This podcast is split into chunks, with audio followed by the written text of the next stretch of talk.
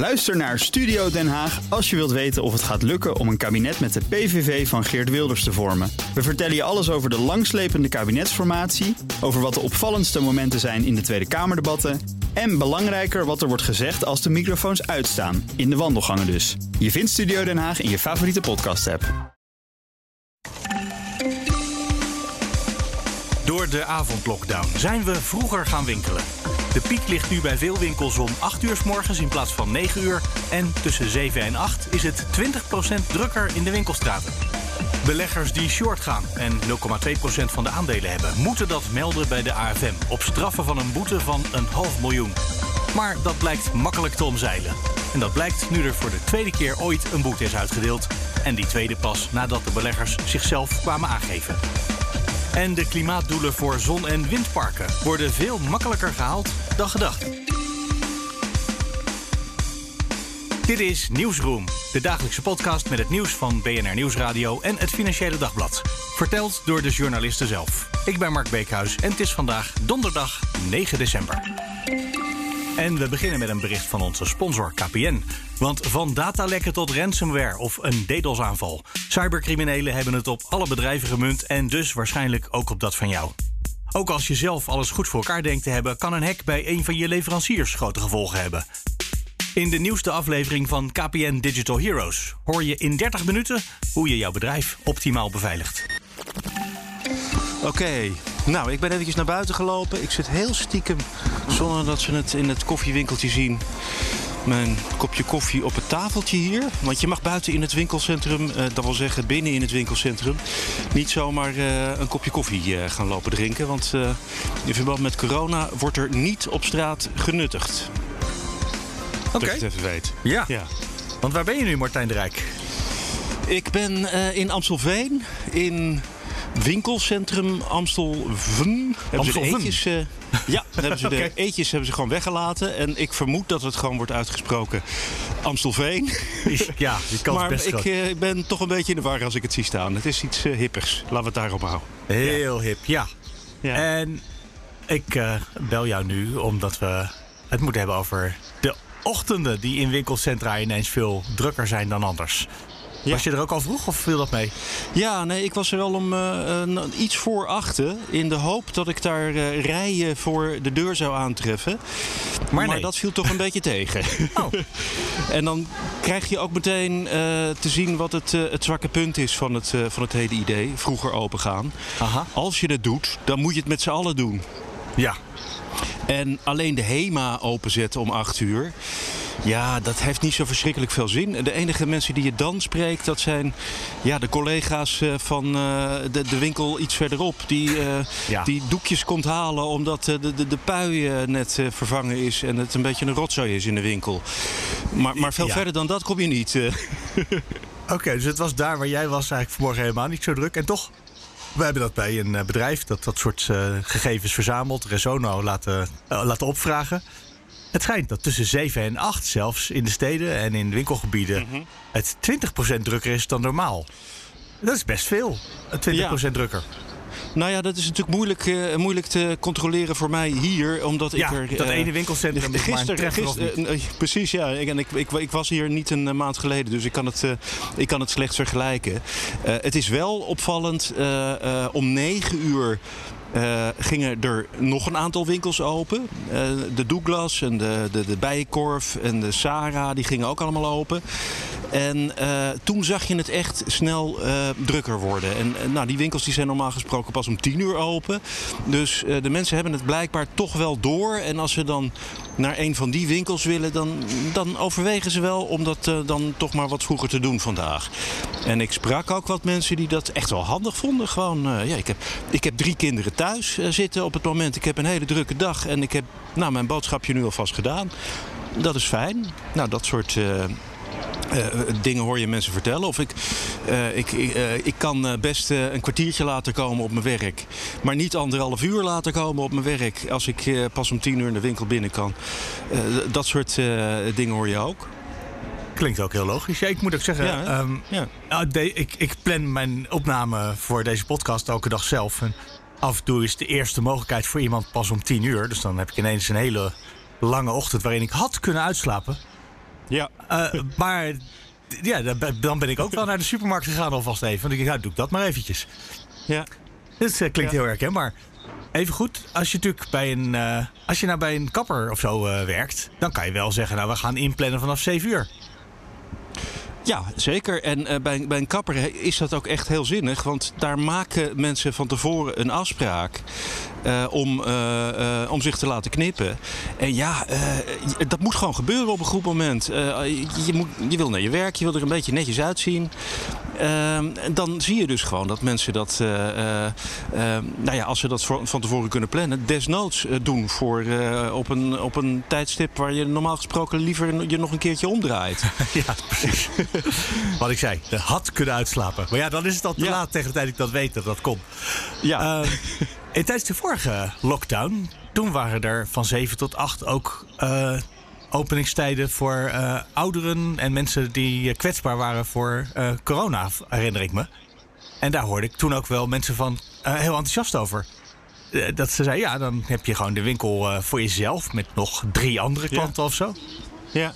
Dat is nu niet meer. Hè? Het is nu gewoon, ja, we moeten om vijf uur dicht. Nou, dan gaan we maar om zeven of om acht uur open. Ja, nee, dat, uh, uh, dat is vooral de belangrijkste reden. Dat is gewoon een commerciële reden. En, en het, de klant naar de zin maken. Hè. Dat is natuurlijk echt nou ja, voor de klant natuurlijk ook fijn. Die heeft wat meer keuze. Ik sprak ook een, een, jongen die ook bij de HEMA stond. En die zei van, nou ja, ik, ik werk ook in een sportschool. die had bij de HEMA eventjes een, een, een hotdog gehaald. Ja. en was blij dat hij dat op een lekker vroeg tijdstip ook kon. Want hij moest, hij moest zo aan, aan de slag. En hij zegt, zei van, nou ja, bij sportscholen zie je echt dat mensen het heel prettig vinden dat ze in ieder geval die optie hebben. Want die gaan ook heel vaak een uurtje eerder open. Ja. En ja, ik weet het niet. Als je, als je gewend bent om regelmatig naar een sportschool toe te gaan, dan is dat het feit dat het opeens niet meer kan dat is echt even, even ontwennen. Ik, ik weet het uit eigen ervaring. Als ik, ik wou net vragen. Meer, ja, nee, dat je, ja, ik bedoel, ik, ik zal niet zeggen dat, er meteen, uh, dat je meteen een kort lontje krijgt. Maar je kan je energie gewoon niet helemaal kwijt. En dus ja, dat zit je best wel in de weg. En dan vind je het toch wel fijn. Uh, om daar desnoods, en dan heb je hem weer, even op dat verschrikkelijke tijdstip uh, toch maar je bed uit te komen. Om, uh, om te doen wat je nou ja, graag doet. En daarna dus een Hema-worst kopen kennelijk. Ja. maar, maar was nou in dat hele winkelcentrum alleen de HEMA open? Want dat is een beetje onhandig van ze. Nee, ja, nou, tussen 8 en 9 inderdaad. Alleen de HEMA. En inderdaad, ik vind dat onhandig van ze. En ja. ik kan me goed voorstellen dat als ze, uh, als ze het breder uitrollen... dat het dan uh, beter zou werken. En dat je dan ook wat meer spreiding krijgt over de hele dag. Hè? Want dat, ja, uh, of het uiteindelijk goed of slecht is in, in het kader van de pandemie... ja, daar kan je toch ook best wel over twisten. Veel winkels zelf zeggen van uh, laat ons nou juist meer uren open. Ja. Uh, en, en, en, niet alleen omdat het niet zo vol wordt, omdat iedereen ja, zodat het door niet de zo uren vol gespreid wordt. Ja, ja. En daar valt wat voor te zeggen. Ik, uh, ik kan me daar best wel wat bij voorstellen. Um, aan de andere kant, dat was ook iemand die uh, uh, goed naar BNR Nieuwsradio radio heeft geluisterd. Ja, zegt die, die zegt dat goed merk begrepen had. correct, Martijn. Dat je er niet Ja. verspreekt in BNR Nieuwsradio. Oh ja. Dat is jammer. nou, komt ie. ik sprak ook een mevrouw die uh, luistert vaak naar BNR Nieuwsradio. En, en die zei: uh, Ja, ik snap toch wel dat het om vijf uur dicht moet. Want wat er veel gebeurt is uh, dat mensen anders gewoon de kroeg induiken. En nou ja, je wilt dus gewoon zorgen dat iedereen na vijven naar huis gaat. Klaar, Ja. dat is het doel. Nou, alleen al de gezellige, gezellige groep mensen die voor de ingang van de supermarkt hangt. En die in de afgelopen twee jaar nog nooit anderhalf meter afstand heeft weten te houden.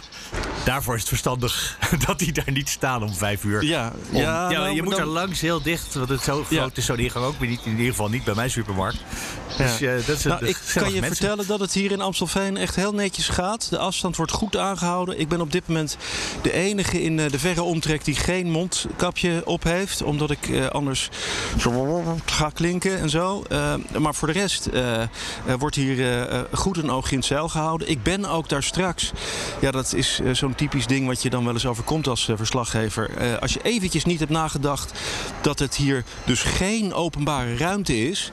dan word je dus weggestuurd door een bewaker omdat je geen toestemming hebt om uh, uh, geluidsopnames te maken. Oh, ja. Dus uh, ja, ik wil dit op dit moment niet spannender maken dan het is. Maar het zou dus kunnen gebeuren dat ik voor het eind van dit item nou, hier de tent uitgestuurd ik word. Ik denk dat dat niet gaat gebeuren, want we zijn zo'n beetje aan het einde terechtgekomen.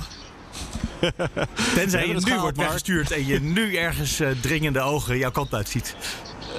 nee, het was een, een, een, een man op een Segway. De, als, hij gaat, als ik ga rennen, dan haalt hij me in. Oké. Okay. Bart de Rijk, dankjewel. Oké, okay, Mark. Hallo, Sonny Motke.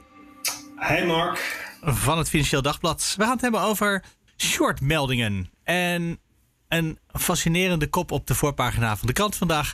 Een zeldzame AFM-boete bewijst... verplichte shortmeldingen zijn makkelijk te omzeilen. Hoe zit dat? Laten we beginnen met de boete die is opgelegd. Wat is er gebeurd? Nou ja, wat er is gebeurd, er is een, uh, een Britse vermogensbeheerder, die, uh, ja, een vrij forse partij, die heeft in een tijdsbestek van meer dan drie jaar geen enkele melding, verplichte melding gedaan bij de Autoriteit Financiële Markten.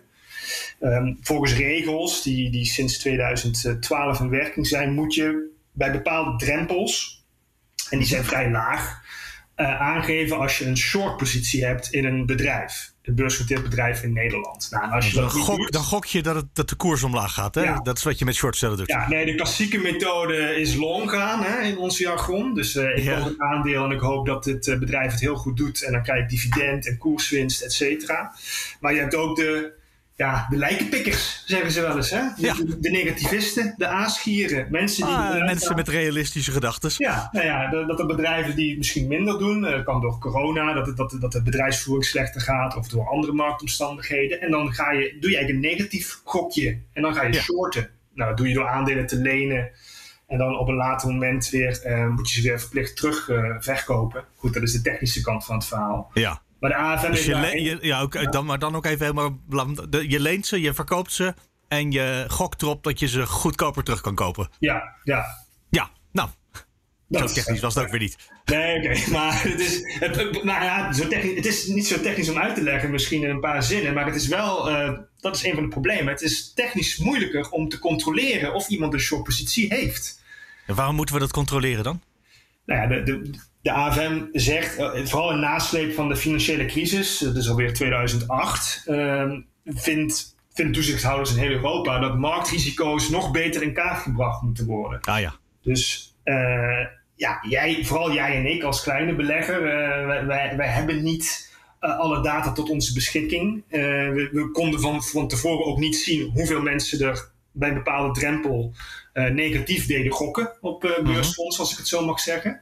Ja, en dat is wel relevante informatie voor jou om tot een goede prijsbepaling te komen en eventueel Ja. eh, wat jouw geld kan opleveren of kosten.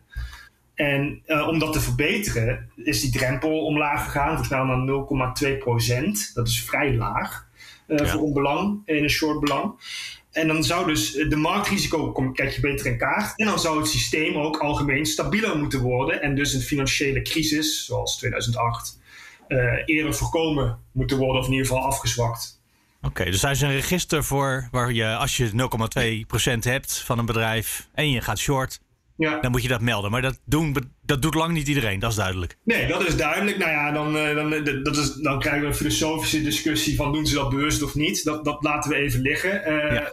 Het feit is in dit geval is het drie jaar lang niet gebeurd. En toen, de, de cruciale punt is, het bedrijf heeft toen, waarom weten we niet, maar in ieder geval ze zijn tot inkering gekomen en hebben zelf gemeld bij de toezichthouder, hé, hey, we hebben het ruim drie jaar niet gedaan. 78 keer notabene. En dat is echt heel veel. Ja, Eh, sorry, we hebben dit gedaan, eh, AFM. Eh, ja, alsjeblieft, beboet ons niet, want het standaardboete hiervoor is een half miljoen. Nou, de AFM vond het dermate gochtig, omdat die, die, die overtreding zo lang duurde dat ze toch een boete hebben opgelegd. Mhm. Niet het volle half miljoen, toch? Minder. Nee, het werd dan wel met 50% omlaag. naar maar toch een kwart miljoen is 250.000. nog steeds best veel. Ja, ja, Ja. nou, voor, dit, voor dit bedrijf misschien niet. Het is een miljardenbedrijf, maar het is, het, het is vooral pijnlijk. Ja, je, je laat zien dat de interne eh, systemen bij jouw professionele partij gewoon niet deugden. ja. Nou ja, eh, Maar het laat ook zien, denk je dan meteen, als je dat 78 keer kan doen zonder dat de AFM, die daar toezicht op zou moeten houden, als je dat 78 keer kan doen zonder dat ze het doorhebben, eh, dat niet alleen bij je eigen systemen misgaat, maar ook bij de AFM, denk ik dan. Ja, dat is de, de, de hoe wij het, de, de vraag die wij opwierpen. Hè? Uh, want stel, deze, deze, de, het is ook pas de tweede boete ooit uh, die de AFM uitdeelt voor shortcellen. Nou, de, de, de wetgeving bestaat sinds eind 2012, dus we zitten al op uh, negen jaar ongeveer. Mm -hmm. En pas twee keer een boete. Nou, dat is toch. Het heeft niet hun hoogste prioriteit gehad. Nee. En de tweede keer was iemand die zichzelf kwam aangeven. Ja, en als je dan ook nog nagaat dat in dit geval, en dat maakt de zaak zo interessant, over een periode van meer dan drie jaar één partij er al in is geslaagd om het 78 keer niet te doen, of dat bewust is of niet, nogmaals in het midden. Ja. Dat geeft wel aan dat het moeilijk is om het te controleren en dat misschien de regels iets aangepast moeten worden, op een andere manier ernaar gekeken moet worden. Dat is een discussie die dan op gang komt. En dat, dat hebben we willen brengen vandaag in de krant. Er zijn enorme datastromen van alle beursbedrijven. Dus dit zouden ze toch gewoon uh, bij de AFM moeten kunnen zien. Ja, voor mij is het dus heel moeilijk om in te schatten wat ze wel of niet kunnen zien. Uh, we hebben dus ook een reactie gevraagd op de kritiek, uh, ook met deze casus. En dan krijg je het, sorry dat ik het zeg, AFM een beetje obligate antwoord. We kunnen wel degelijk short transacties monitoren en we doen heel veel informele toezicht. Maar ja, mhm. nogmaals, het feit dat één partij, en een heel grote partij ja. ook, 78 keer in drie jaar niet heeft gedaan, dat zij dat niet zelf hebben gezien, spreekt boekdelen. Wat, wat zou kunnen zijn, is gewoon, dat zijn twee dingen. Eén, het is echt een enorme hoeveelheid data. Ja. Dus uh, een van de experts die we spraken van een adviesbureau, uh, die zei: Nou ja, er is zoveel data wereldwijd. Het is vrij onmogelijk om het allemaal te controleren. Ik weet niet hoeveel werknemers de AFM heeft, maar de AFM heeft wel een heel groot takenpakket en daar hebben we ook heel veel respect voor. Maar het is natuurlijk onmogelijk om alles te doen. Dus het is natuurlijk, regelgeving zal per definitie iets door de grijze, ja, door de mazen heen sluipen. Het andere probleem is, dat zegt uh, advocaat uh, Jeroen Wendelgelst ook in het, in het artikel. Ja, uh, de, de melddrempel is dus lager dan bij standaard loonposities. Dus eigenlijk moet je ook nog eens vaker als bedrijf een melding hiervan doen. Maar je kunt dus ook op verschillende manieren, dan krijg je dat technische verhaal weer, shorten. We hebben de, de klassieke manier, maar het kan ook met swaps en ja, derivatenmanieren. Nou, en als jij dat als bedrijf al niet goed ziet, dan kan het heel goed zijn dat AFM dat ook niet allemaal goed ziet. Nogmaals, het is niet dat mensen uh, slecht bezig zijn of, of, of inadequaat. Maar het, het, geeft wel aan dat, dat, de regels misschien scherper moeten. En dat het dus wel degelijk inderdaad makkelijk te omzeilen is. Het zij door een fout, het zij bewust. Kortom, voorlopig kan je gewoon, als je dit wil, redelijk makkelijk omzeilen. Nou ja, ik ga niemand aanmoedigen om. Uh, nee, nee, nee, we geven nooit beleggingsadvies. Maar het toezicht is in ieder geval. Het heeft niet hun prioriteit. Anders dan zouden ze er meer dan twee zaken van gevonden hebben. En kennelijk is het sowieso. Denken, uh, of het komt nooit voor. Het kan ook. Het kan zijn dat het nooit voorkomt. Nou ja, nou ja uit de rechtszaak. De, de, de dat is dus de zaak ging met deze Britse vermogensbeheerder... die al die fouten had geconstateerd bij zichzelf. Die ging naar de, recht, naar de rechtbank. Uh, omdat ze die boete natuurlijk weg wilden hebben. Hoewel ze wel de fout toegaven. Maar ze zei, ja, we, we hebben maar één keer een fout gemaakt. En goh, we hebben het zelf aangegeven. In die zaak komt ook naar voren, uh, in data die is ingebracht, dat de AFM wel in de laatste 4,5 jaar 34 keer, geloof ik, ja, uh, partijen op de vingers heeft getikt voor shortcellen, niet melden voor shortcellen. Maar daar is gewoon geen boete bij opgelegd. Dus ja, wat zegt dat dan? is dat dan minder erg? En de vraag is in hoeverre dat dus compleet is. Ze kunnen dus wel ja. Nou, als het, als het daarmee opgelost was, is het op zich prima, toch? Uh, als je dan zegt, de eerste keer waarschuwen we en de tweede keer blijkt nooit nodig te zijn. Nee, dat vindt de, nou, maar dat vindt de AFM ook. Hè? Dat zeggen ze van, uh, nou, we hebben een goede informele handhaving en uh, we kunnen wel degelijk iets zien. Maar nogmaals, die 34 partijen, of die 34 keer dat het gebeurde, er was geen enkele keer een overtreding zo groot als deze die nu bij de rechtbank kwam. Ja. Het is echt heel bizar. En de rechter heeft ook van gezegd dat er gewoon sprake was van een ondeugdelijk ontworpen systeem bij, bij dat bedrijf, niet bij de AFM, hè, bij het bedrijf. Ja, als je dat niet in deze uh, wetgeving, uh, de toezicht uh, al zo niet kunt controleren, ja, dat geeft wel te denken over het brede beeld. Ja, ik heb ondertussen even opgezocht. Er werken ongeveer 660 mensen bij de AFM.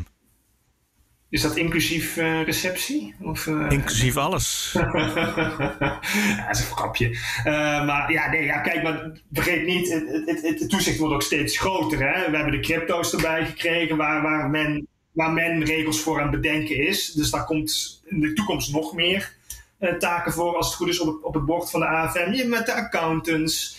ja, ja, ik vond 660 ook niet per se heel erg veel voor toezicht op zo'n enorme sector. Nee, nee, Ik, Ik, geef het ze te doen. Ik, uh, ja, exact. Want de, de wereld is zo dermate verbonden. Kijk, je, je, je, kijkt specifiek in de eerste plaats naar Nederland en Nederlandse vergunninghouders bijvoorbeeld. Maar ja, je krijgt ook met buitenlandse partijen te maken, zoals in dit geval. Ja. Je moet toch wereldwijd stromen in de, en data in de gaten gaan houden. En, ja, want dat shortcellen kan natuurlijk hier gebeuren, maar het kan ook via constructies uh, in allerlei andere beurzen gebeuren. Precies. Ja, dat of deels is, hier en deels in het buitenland. Ja, en dan is het dus ook sowieso ingewikkelder als klassiek long gaan, hè, zoals dat heet. Uh, waarbij de drempels ook nog iets hoger liggen, dus dan hoef je het minder vaak te doen, aan te melden.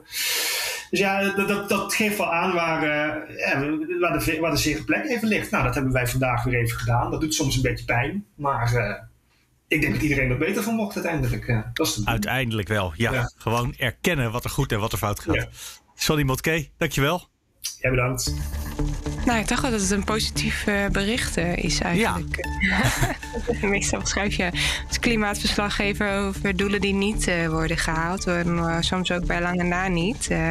nou, nu deze keer ziet het er echt een stuk beter uit. Dit is natuurlijk ook de, de, de, de reststrategie die ineens blijkt te werken, kennelijk. ja. Want daar hebben wij ook wel sombere stuk over opgenomen. Ja, nou, er is ook nog wel van alles wat onzeker is, maar... Ja, 31 is geen 45 of zoiets. Wat was het weer? Wat waren de doelen ook weer? Nee, 35 is het doel. En 41 is wat ze waarschijnlijk kunnen halen. Oh ja. Ja, dus het is gewoon, er kan veel te veel. Ja, precies. Oeh, is dat een. Wacht, laten we gewoon beginnen. Anders ga ik je allemaal vragen alvast stellen die uh, in, de, in de podcast terecht horen. Uh, laat ik beginnen met: Hallo Orla McDonald. Goedemorgen. Nou, we waren al een klein beetje het gesprek in aan het rommelen. En ik dacht, ik moet even officieel beginnen. Maar als je nou zegt, we hebben het over klimaatdoelen en eigenlijk energietransitiedoelen, hoeveel duurzame energie we kunnen opwekken.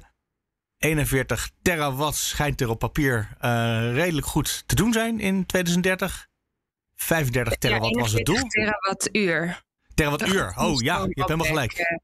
Eh, Misschien zou ik het terawattuur uh, überhaupt uh, eventjes... Uh, ik, het PBL verduidelijkt het wel. 5 terawattuur is dat ongeveer gelijk aan 5000 hectare zonnevelden... en ongeveer 300 grote windturbines. Dat is denk ik iets duidelijker ja, voor mensen, ook voor mij. Ja, Even goed, het doel is 35 en we zouden 41 kunnen halen zonder al te veel moeite.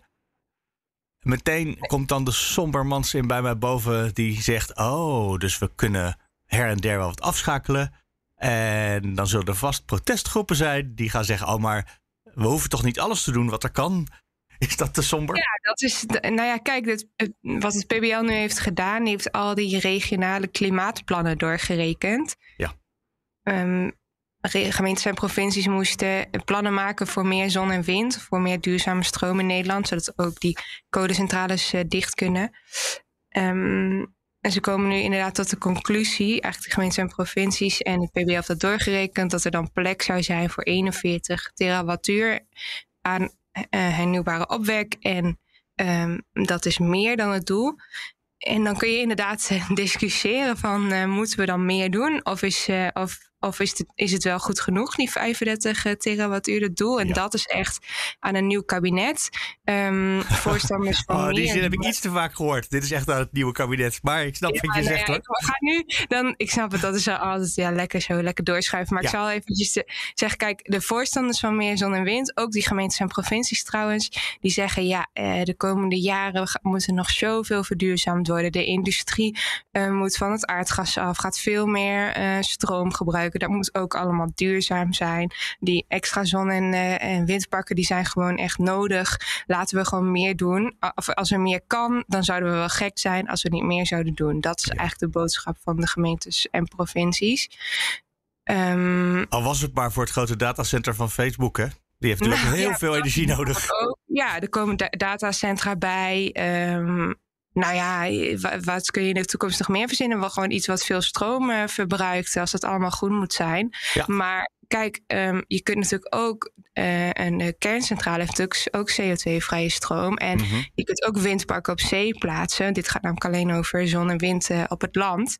En ehm, ja, dat is wel echt. Uh, ja, daar moeten keuzes uh, over gemaakt worden. En de VVD bijvoorbeeld, die heb ik gisteren gesproken. En die zeggen, nou, uh, we hebben met z'n allen 35 terawattuur uh, afgesproken.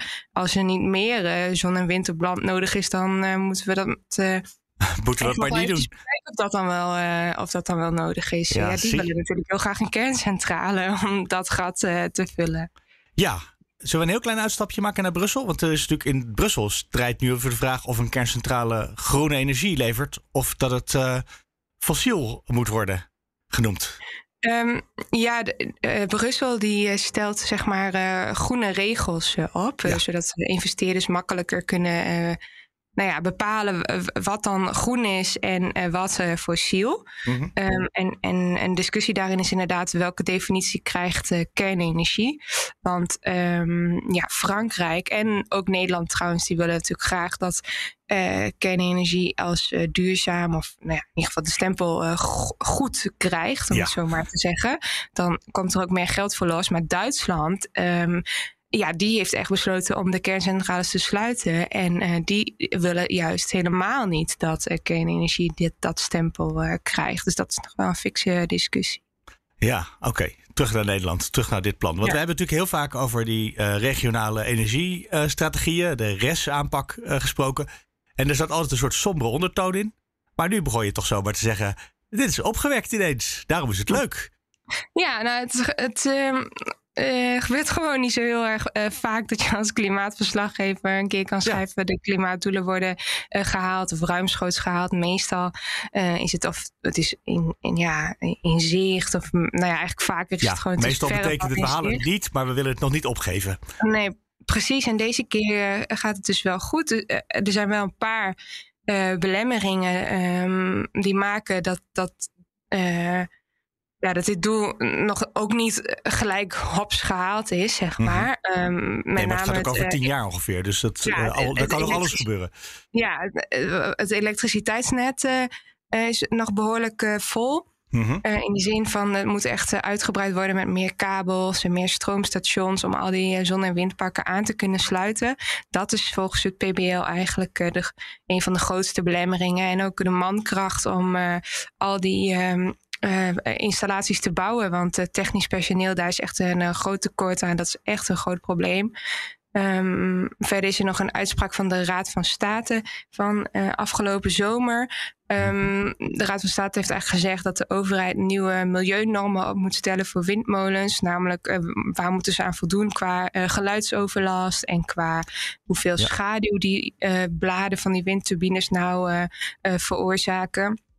Ehm, en, en het opstellen van dat soort regels, dat kan zo één à twee jaar duren. Dus ehm, dat brengt ook wel iets vertraging met zich mee. Maar al met al ziet het er, eh, ziet het er goed uit. Die gemeenten en provincies willen heel graag eh, meer zon- en windparken bouwen. Het PBL zegt ook dat ze daarbij de burger beter hebben betrokken dan eerder. Ehm, ik vraag me wel af, ja, eh, hoe, hoe, hoe meet je zoiets? Dat lijkt me heel erg eh, lastig. Want de ene burger die, die vindt zichzelf, noemt zichzelf betrokken als hij een enquête heeft ingevuld. En de andere burger die wil alles tot in detail eh, weten. Dus ik. ehm, Ja, maar beter betrokken is toch in ieder geval beter dan eerder. Ja. Oké, nou laten we opgek afsluiten in dat geval. Orla McDonald, dankjewel. Dankjewel, Mark. Dank. En dat was hem voor vandaag. Morgen zijn we er weer. Tot die tijd kan je natuurlijk mailen naar nieuwsroom.bnr.nl. En de show notes die staan op bnr.nl slash nieuwsroom. Tot morgen.